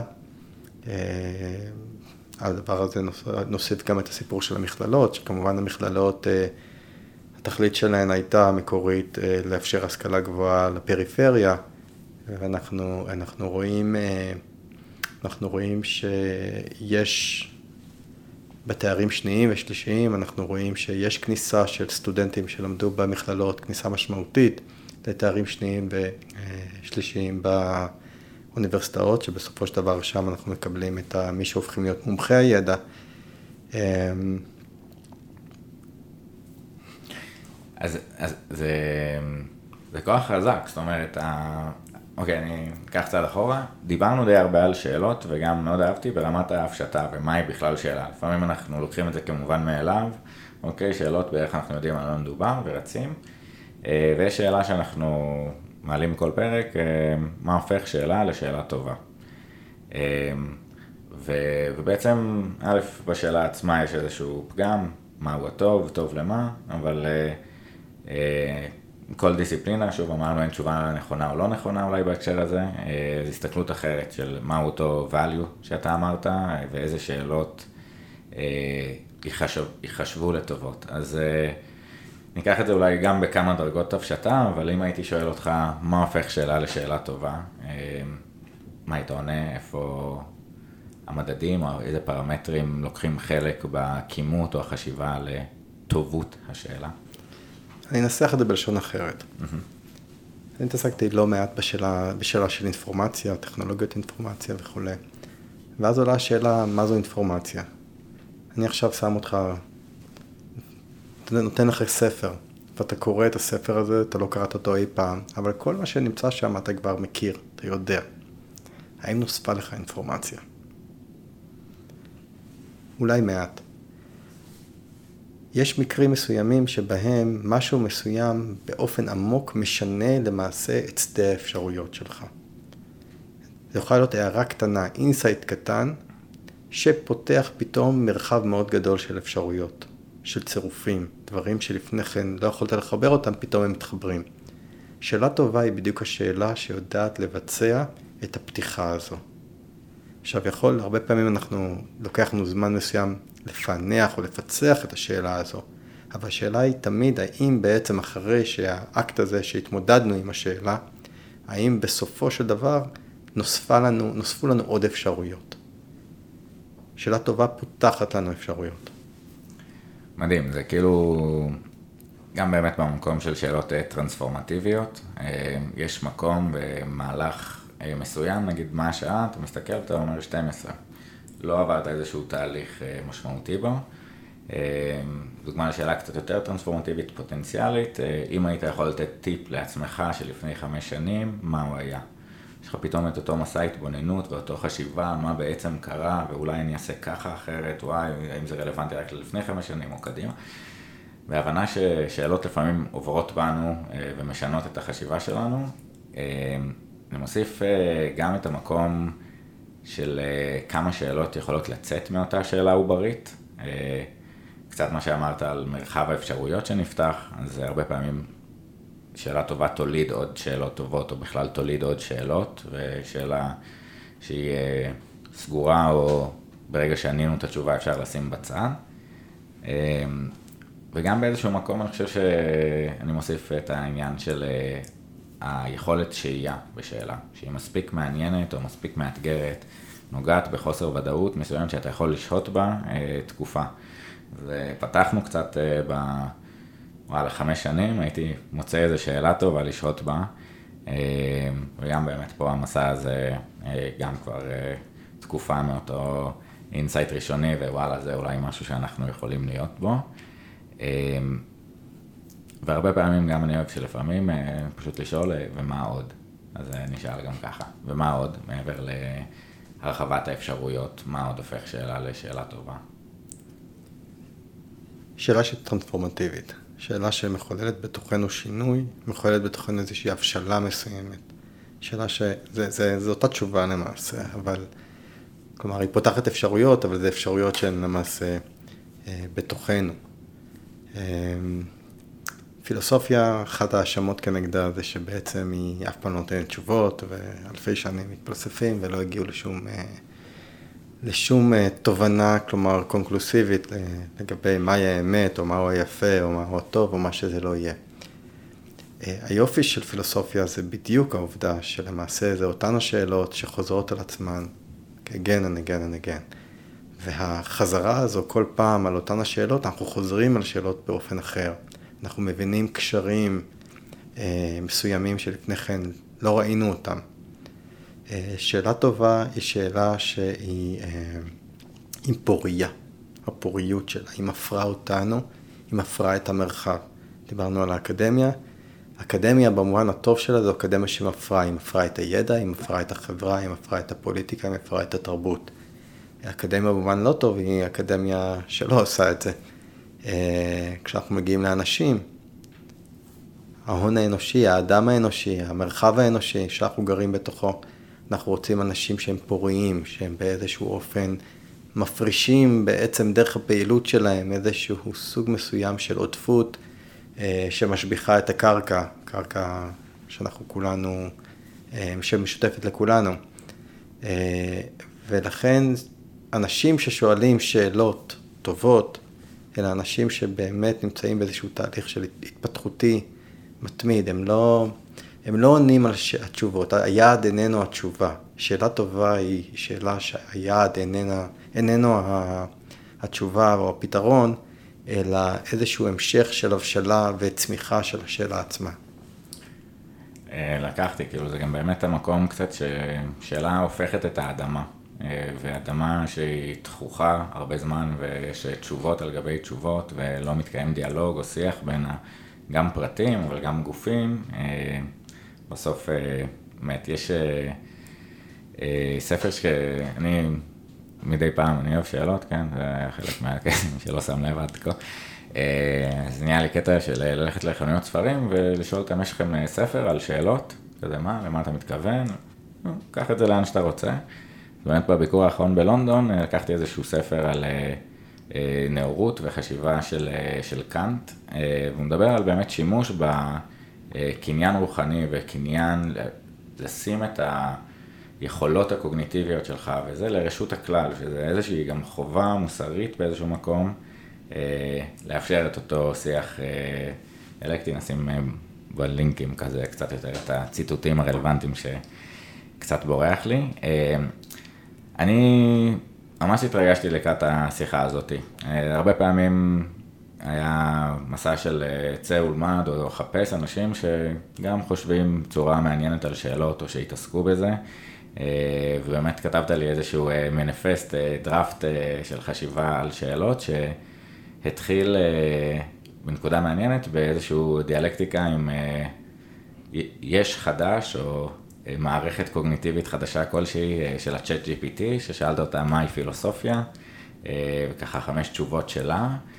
אמ, בהקשר הזה ובהסתכלות גם על הזמנים המשתנים, על השאלה של, אה, דיברנו על מה ייחודי באדם ואולי השאלות, איך זה מתכתב לדעתך עם באמת אותו תנועה ל-AI, ל-General אה, General AI, איזושהי אינטליגנציה כללית, או בכלל large language models של הבנת הדברים האלה, האם שם מתקיים שאלות, או שאין את העומק המודע, ניתן את ה... עוד רפרנס יפה שהעלית, על דוגמת הוורד, ואני אמצא את הציטוט, או שאתה תגיד על... אה, שנייה.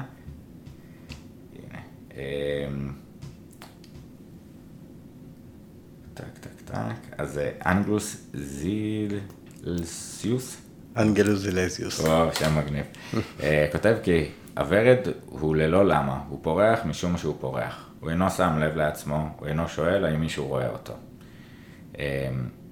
אז א', הפרח הוא מופלא.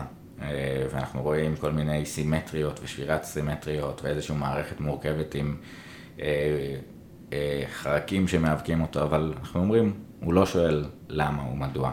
מצד שני, נולד לנו פה איזשהו יצור שאנחנו בדמיונות ובחשיבה קדימה אומרים שהוא יהיה חכם עשרות מונים מבני אדם, ואולי כמו שהיחס שלנו אל, אל ורדים או אל צפרדעים, ומערכת היחסים בינינו לנמלים וצפרדעים עדיף להיות בצד שלנו, אז אם אנחנו מייצרים משהו שיסתכל עלינו כנמלים או צפרדעים, מלחיץ מחד, ונוח הררי ואחרים אה, דנים בזה. אה, אבל מצד שני, נשאלת השאלה, האם אותו צ'אט GPT מודע אה, אם מישהו רואה אותו או מריח אותו. שאלות, AI, צ'אט GPT, ידע, מחשבים, מה קצת מחשבות שלך בעולם הזה? נתחיל בזה ש-ChatGPT הוא מכונה. מכונה מאוד מאוד מתוחכמת, עם אה, תצורת פעילות מאוד אה, ייחודית שבעצם אה, מופעלת בתוכו, אבל הוא לא חושב. עכשיו, הוא לא חושב מיסודו, וגם אם הוא מדמה או נותן לנו בסופו של דבר תוצרים שהם דומים לתוצרי חשיבה, הם נוצרו באופן כזה ש... שמותאם בעצם לאופן שבו אנחנו מתקשרים. לכן אנחנו נמצאים פה באיזה מין מצב שאנחנו נתקלים במשהו שדומה לאופן שבו בני אדם חושבים.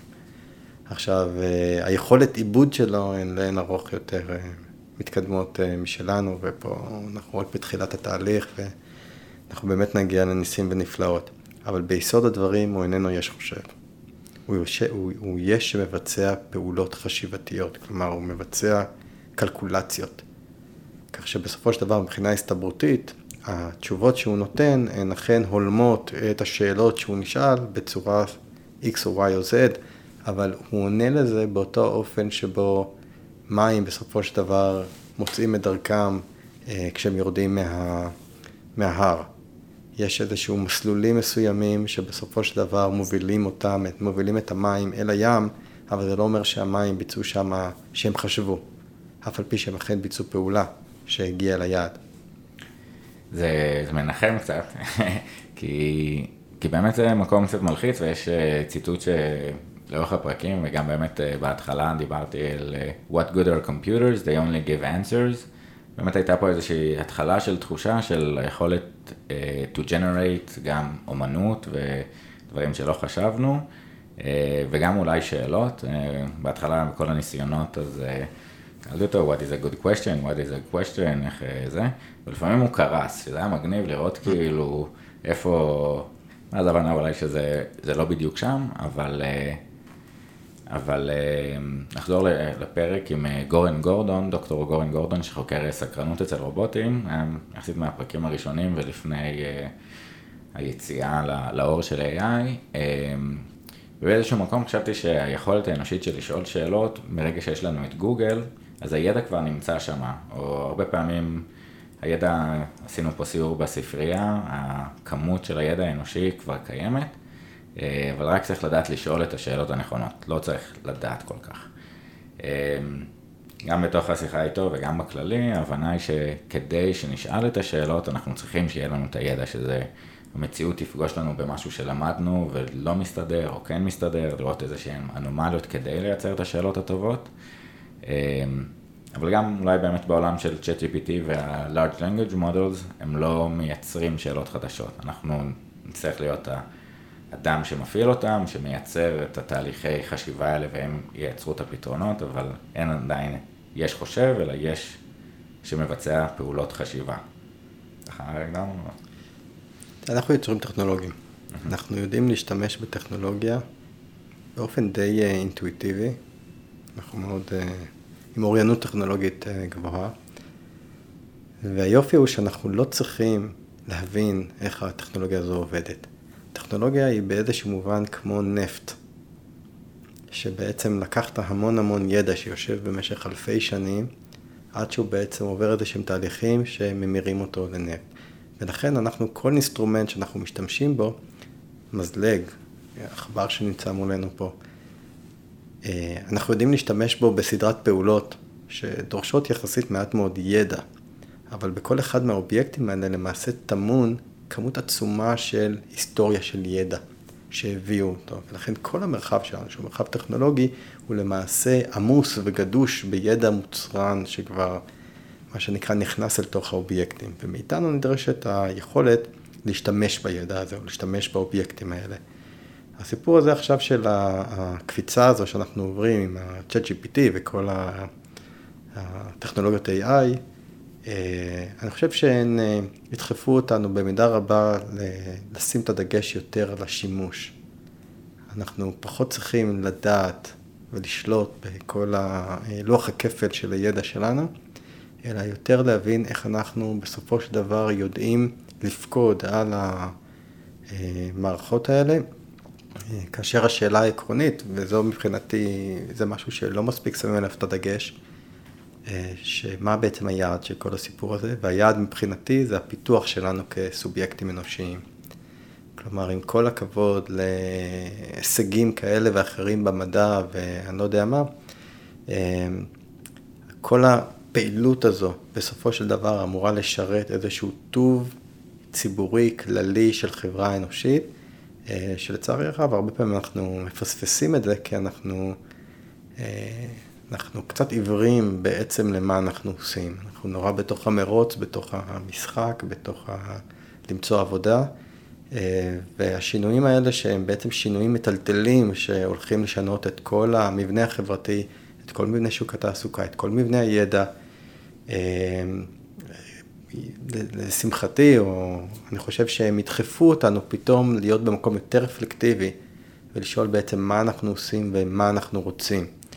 ולכן השאלה הגדולה זה לא האם אה, ChatGPT חושב, אלא באיזה אופן כל הטכנולוגיות האלו משפיעות על החשיבה שלנו ועל ההיות שלנו. זה בעצם, זו השאלה הכי חשובה, אה, ובשביל זה אנחנו צריכים את המדינה, אנחנו צריכים את, ה, את החקיקה, את, ה, את המערכות החברתיות הנכונות, שבעצם יכולות לתמוך בצורה שהיא מסייעת לאנשים אה, לפרוח, דיברנו על הוורד.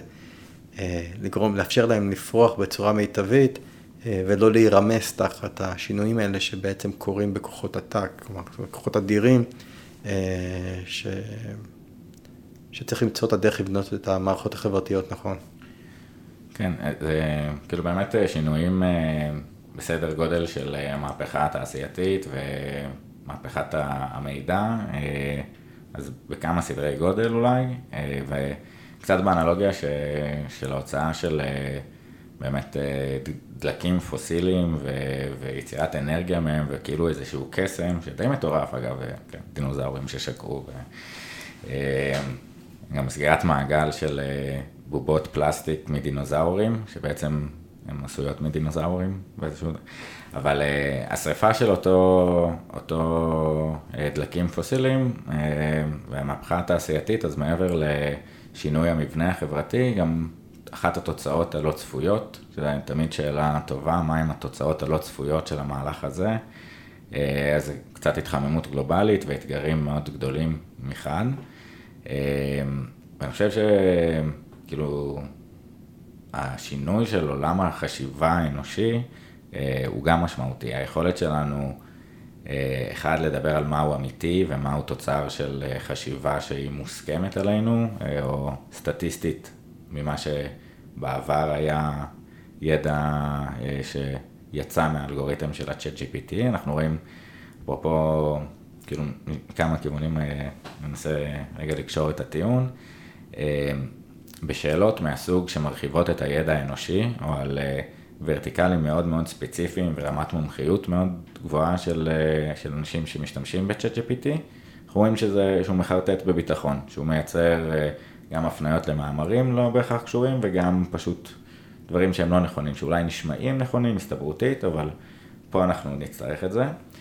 אה, החשש שלי הוא קצת מתהליך שאנחנו מכירים מגוגל אמנזיה, קוראים לתהליך הזה, שאני לא זוכר את הטלפונים בבית של כל החברים שלי. פעם זכרת, אתה אומר, אני כבר לא צריך, אני לא צריך לדעת אה, לעשות אה, כפל או לעלות בחזקה אה, בראש, אה, כמה זה 2 בחזקת 10, 1024, אבל לא צריך לדעת את זה.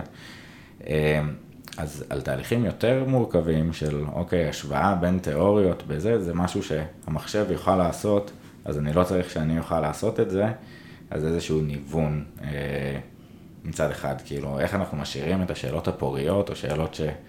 ChatGPT לא יכול להתמודד איתה, אה, ואנחנו כן צריכים את ה... יש פה משהו שישנה גם מצד אחד את המחקר וגם את ההכשרה, כאילו. אז אה, איך, אה, איך אתה חושב שנכון להתמודד עם, או כבר בעצם השאלה, יש פה איזה מסגור, להתמודד עם האיום הזה, או להתמודד עם הכלי שמייתר את הצורך בשיעורי בית באיזשהו מקום, או איך... איזה חשיבות יש לאקדמיה אה, כביכול, או לך, אה, להתמודדות מול הכוח הזה החדש? קודם כל יש דברים שאי אפשר, אפשר להתחרות איתם. כלומר, אה, ברגע, ש, ברגע שמכונית נכנסה, גורל הסוס נקבע. זה לא, אף אחד לא יחזיק סוס אם יש לו אפשרות להחזיק מכונית. אני חושב שזה די ברור. והטכנולוגיה הזו יודעת לעשות עבודה. יודעת לעשות עבודה מצוינת, אני משתמש בה כל הזמן. אני פחות סומך על, אה, על, אה, על המידע שהוא מביא לי, אבל אה, אני בהחלט משתמש בו לעניינים אחרים. והדברים האלה השתפרו, אנחנו רק, מה שנקרא, אנחנו רק ראינו את, ה, את תחילת המהפכה והשינויים, והדברים האלה הם אקספוננציאליים, ואנחנו נהיה עוד שנה במקום אחר לגמרי מאיפה שאנחנו עכשיו, והצרכים האלה של מידע שהוא יותר, יותר אמין, זה, זה יקרה מתוך עצמו, ובדברים האלה אני פחות דואג. כמו שאמרתי, יותר, יותר מדאיג אותי מה קורה לנו. דיברת על גוגל אמנזיה, וכן, אותי מעניין ה-human אמנזיה. כלומר, איך אנחנו כבני אדם לא מאבדים את האנושיות שלנו. אה, ואני חושב שפה זה עניין של שאלת מוקד. יש לנו את ה DALL-E ואת ה...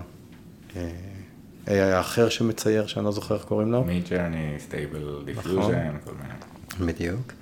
אמ, ואני חושב שכאשר אתה לומד לצייר, השאלה שאתה שואל זה לא האם אתה מתחרה עם צייר על. אתה לא, אתה לא לומד את הדברים האלה בשביל להיות צייר מקצועי. אתה לומד את הדברים האלה מכיוון שבאיזשהו מובן עמוק זה משפר אותך. באיזשהו מובן עמוק זה נותן לך פרספקטיבה אחרת לחשוב. ו... ודווקא בעניין הזה אני חושב שהטכנולוגיות האלו, כאשר יש לנו, אנחנו רואים את זה באופן שבה הטכנולוגיה הולכת ועוברת אינטגרציה למעשה עם כל מרחב האדם, אני חושב שהטכנולוגיות האלו יאפשרו לנו דווקא להיות ישים, שואלים וחושבים יותר טובים. כלומר, אם אנחנו במקום לייצר מכונות שיודעות לבצע חישוב, אנחנו גם כן נפתח אה, מערך אה, שלם ש... יודע ללוות אותנו ולסייע לנו בתהליך החשיבה. לא להגיד לנו מה התשובה, אלא להאיר לנו נקודות מסוימות, ולהבין שבעצם אה, דידקט, אה, אה, כשאנחנו מלמדים חינוך, אנחנו בעצם מלמדים את הילד מהרגעים הראשונים שלו לעלות על סולם. הוא לאט לאט עובר שלב אחר שלב אחר שלב, והטכנולוגיה יכולה להיות שם על מנת לשים את ה... את האור, את הפנס, על להניח את הרגל פה, ותראה שפה בעצם אתה חשבת שיש פה איזשהו משהו מסוים, אבל תראה שבפנים יש עוד נקודות קטנות, ושזה משנה לנו לחלוטין את המובן. כלומר, אם אנחנו אה, נשתמש בטכנולוגיה הזו בצורה טובה, בצורה דידקטית, אנחנו באמת יכולים לייצר פה, אה, להכשיר פה, לפתח פה אנשים שהמיומנות חשיבה שלהם תהיה לאין ארוך יותר גבוהה. אה, עם זאת, אנחנו גם יודעים שבני אדם, מה לעשות, הם לא, לא כולם שייכים לאותו, לאותה קבוצת יכולות, ובהחלט יכול להיות שהרבה מאוד אנשים, לא יהיה בהם צורך, מכיוון שמה שהם יכולים להעמיד מבחינת השירות שלהם, מה שהם יכולים לתת אה, בהספקים שלהם, עדיף לי לקחת מכונה שעושה את זה בהרבה יותר זול, הרבה יותר מהר. אה, כמו שאמרתי, זה, זה דוחף אותנו לחשוב על השאלה בעצם, מה זה אומר להיות כחברה ביחד, האם אנחנו בוחנים אותה, את, את עצמנו לפי ה-value, הקפ, הקפיטל שבעצם האדם מייצר, או שאנחנו מתחילים לחשוב לפי מערכת ערכים אחרת, והסיפור הטכנולוגי פה בעצם מביא את זה עלינו אה, באופן כזה שלא תהיה לנו ברירה אלא להתמודד עם השאלה הזו. כן, זאת שאלה מאוד גדולה, וגם המקום ש... שדילגנו עליו קצת, שאמרת על אה, מה הטובין החברתי שאנחנו רוצים לייצר, או מה החברה שאנחנו רוצים לגדול ולייצר בה.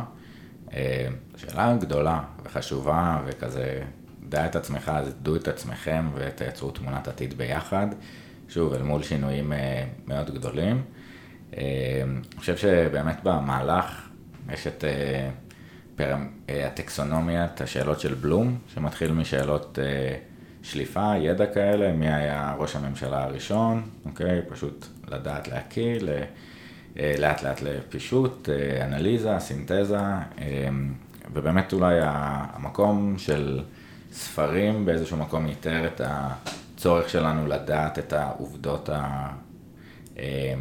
וביחד עם ה-chat GPT אפשר שנעלה בפירמידה הזאת ונשים לב למה הופך שאלה לשאלה טובה, למה היא שאלה שהיא בעלת ערך ולא מזלזלת בתלמידים או מזלזלת גם במורה ולעשות איזושהי חינוך דיאלקטי סקרן אה, בצורה כנה ואמיתית. אה, ואני חושב שזה איזושהי, נוקח מפה תמרור אזהרה כזה, אה, בפרק עם ערן יריב ממייקרוסופט, דיברנו על עליית המים.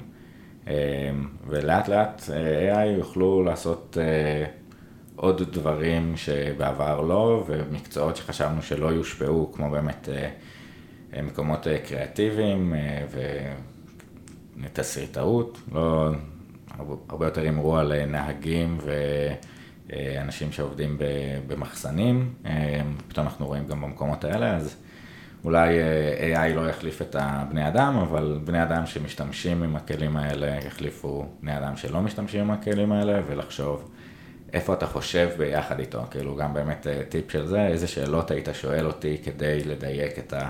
מסע שאנחנו, זה פתאום נותן לך כל מיני שאלות, במקום אה, תוציא לי קורות חיים או סיכום של הדבר הזה, מה הם הפרטים שהיית רוצה לדעת, ואז עוד פעם איזשהו שלב של שאלת שאלות כזה, מגניב. אמ, עוד שאלה ככה, באמת אה, לקראת אה, סיום, אם היית יכול לתת טיפ או עצה לעם היושב בציון, למי ששומע אותנו, אה, לדרך שבה הוא עושה שימוש בשאלת שאלות, כדי שיהיה לנו פה טוב יותר, אה, מה זה היה. קודם כל לא לרדוף אחרי התשובה. כלומר, זה... שאלת שאלות זה בעצם... זה מסע. זה המסע שבו אנחנו מבינים את עצמנו. זה מסע שבו אנחנו מחפשים אה, את הטעמים הפנימיים שיש בתוך השאלות. וכשאנחנו מנס... כשאנחנו נותנים תשובות, אנחנו באיזשהו מובן הורסים לעצמנו. אה, וזה מתחבר עם הסיפור הזה של כל העלייה הזו של הטכנולוגיה והשינויים שהם אה, אה, מעוללים בנו. אנחנו צריכים לתת לשאלות את הזמן שלהן. אנחנו צריכים באיזשהו מובן להבין שלשאלה יש מרחב, לחיים יש מרחב. להפוך את זה לסוג מסוים של אה, סגנון חיים. סגנון שבו אנחנו לא כופים את עצמנו על השאלה. אנחנו לא מחפשים את הדיל שייתן לנו עוד שקל או עוד תועלת כזאת או אחרת, אלא באמת להבין שהמיומנות הזו והאהבה הזו לשאול שאלות היא, היא, לא, היא לא ספציפית לשאלה כזאת או אחרת. באיזשהו מובן, כשאתה רואה אדם יצירתי, לא משנה מה תיתן לו ביד, הוא ימצא כבר דרך ליצור איתו. ו... ולכן זה לא חשוב עם איזו שאלה אתה מתחיל, זה לא חשוב על מה אתה עוסק. זה חשוב אותה באמת, אה, אותו הקשב ואותה מערכת יחסים שאתה בעצם אה, אה, מפענח עם עצמך, מתוך הבנה שהשאלה של השאלות היא לא מופנית החוצה, היא מופנית פנימה. מרתק, מגניב, כי זה באמת באיזשהו מקום מרגיש שיש שאלות, זה הבנה שאני לא יודע הכל ואולי מבחוץ תבוא התשובה, ולפעמים אתה יודע בדיוק למי ואתה מנסח את זה במייל ומקווה ש... אה, שהוא ידע לענות לך, או גוגל, איזושהי יציאה החוצה, אז זה מאוד מעניין. ואני חושב שבאמת ה... זה איזושהי מערכת קוגניטיבית אחרת. מרחב השאלות, גם דיברנו קצת בפרק עם אה, שמואל מרחב, אה, צורת החשיבה של תשובות מול צורת החשיבה של שאלות שהיא הרבה יותר פתוחה, הרבה יותר צנועה, ענווה, של אתה לא יודע, זה גם אולי צא ולמד ממישהו אחר, גם ניתן פה את ההבחנה בין סימן קריאה, שהוא ככה זקוף ובטוח בעצמו וישר, אה, וסימן שאלה שהוא ככה מתכופף כמעט בהכנעה אל אה, האחר, המציאות, העצמי, אבל אה, יש דוגמה יפה, ש... או התבוננות יפה בשפה של understanding, של להבין, זה ליטרלי לעמוד מתחת.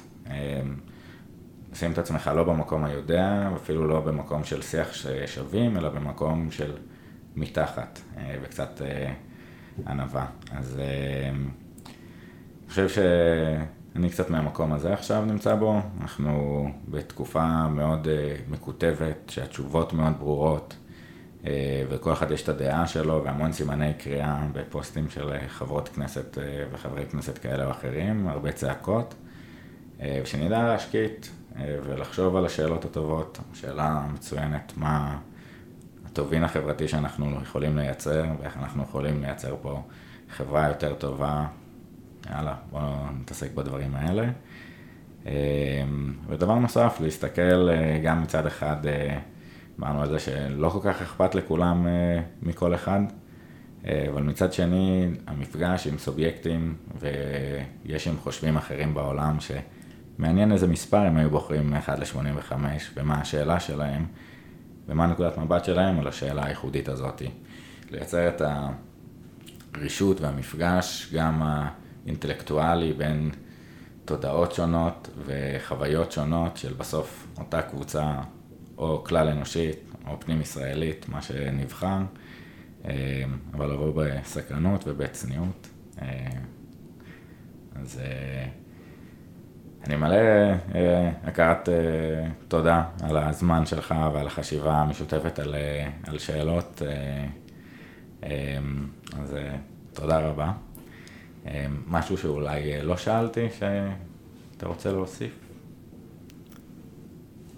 לא יודע אם להוסיף בהקשר של שאלות, אבל בהקשר של מה שאמרת על העניין הפוליטי, אני חושב שיש משהו במונח הזה, משרתי ציבור, שהוא מתכתב עם מה שאמרת עכשיו על האופן שהסימן שאלה מתכופפת. אה, כלומר, את מה אתה, את מה אתה משרת. אה, אז השאלה משרתת אותנו, צריכה לשרת אותנו, ואת היכולת שלנו להיות סובייקטים, אה, באמת כמה של להתפתח בתוך החיים.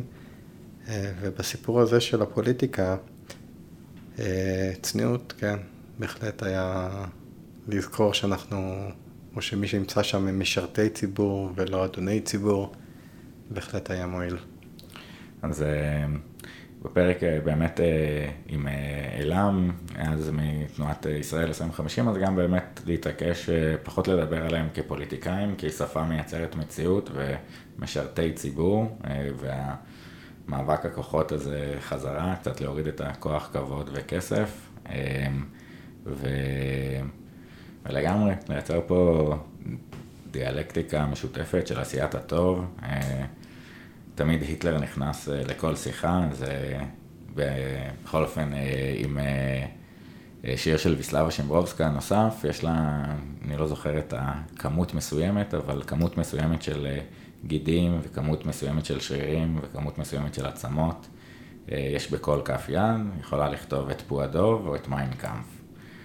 אז אה, שנהיה פחות צודקים, שנעשה יותר טוב, טובין של חשיבה אנושית אה, להפיץ ולהיות בשיח מכבד, כדי שנעשה קצת יותר טוב. בסוף אה, לא נהיה פה, אז נעשה טוב. הייתי שמח אולי שנהיה פחות צודקים ויותר שואלים. כן, כן, לא, כי, כי מאיפה אנחנו כזה יודעים גם כל הזמן. יאללה. טוב, תודה רבה חבר'ה, אז נתראה בפרק הבא. להתראות.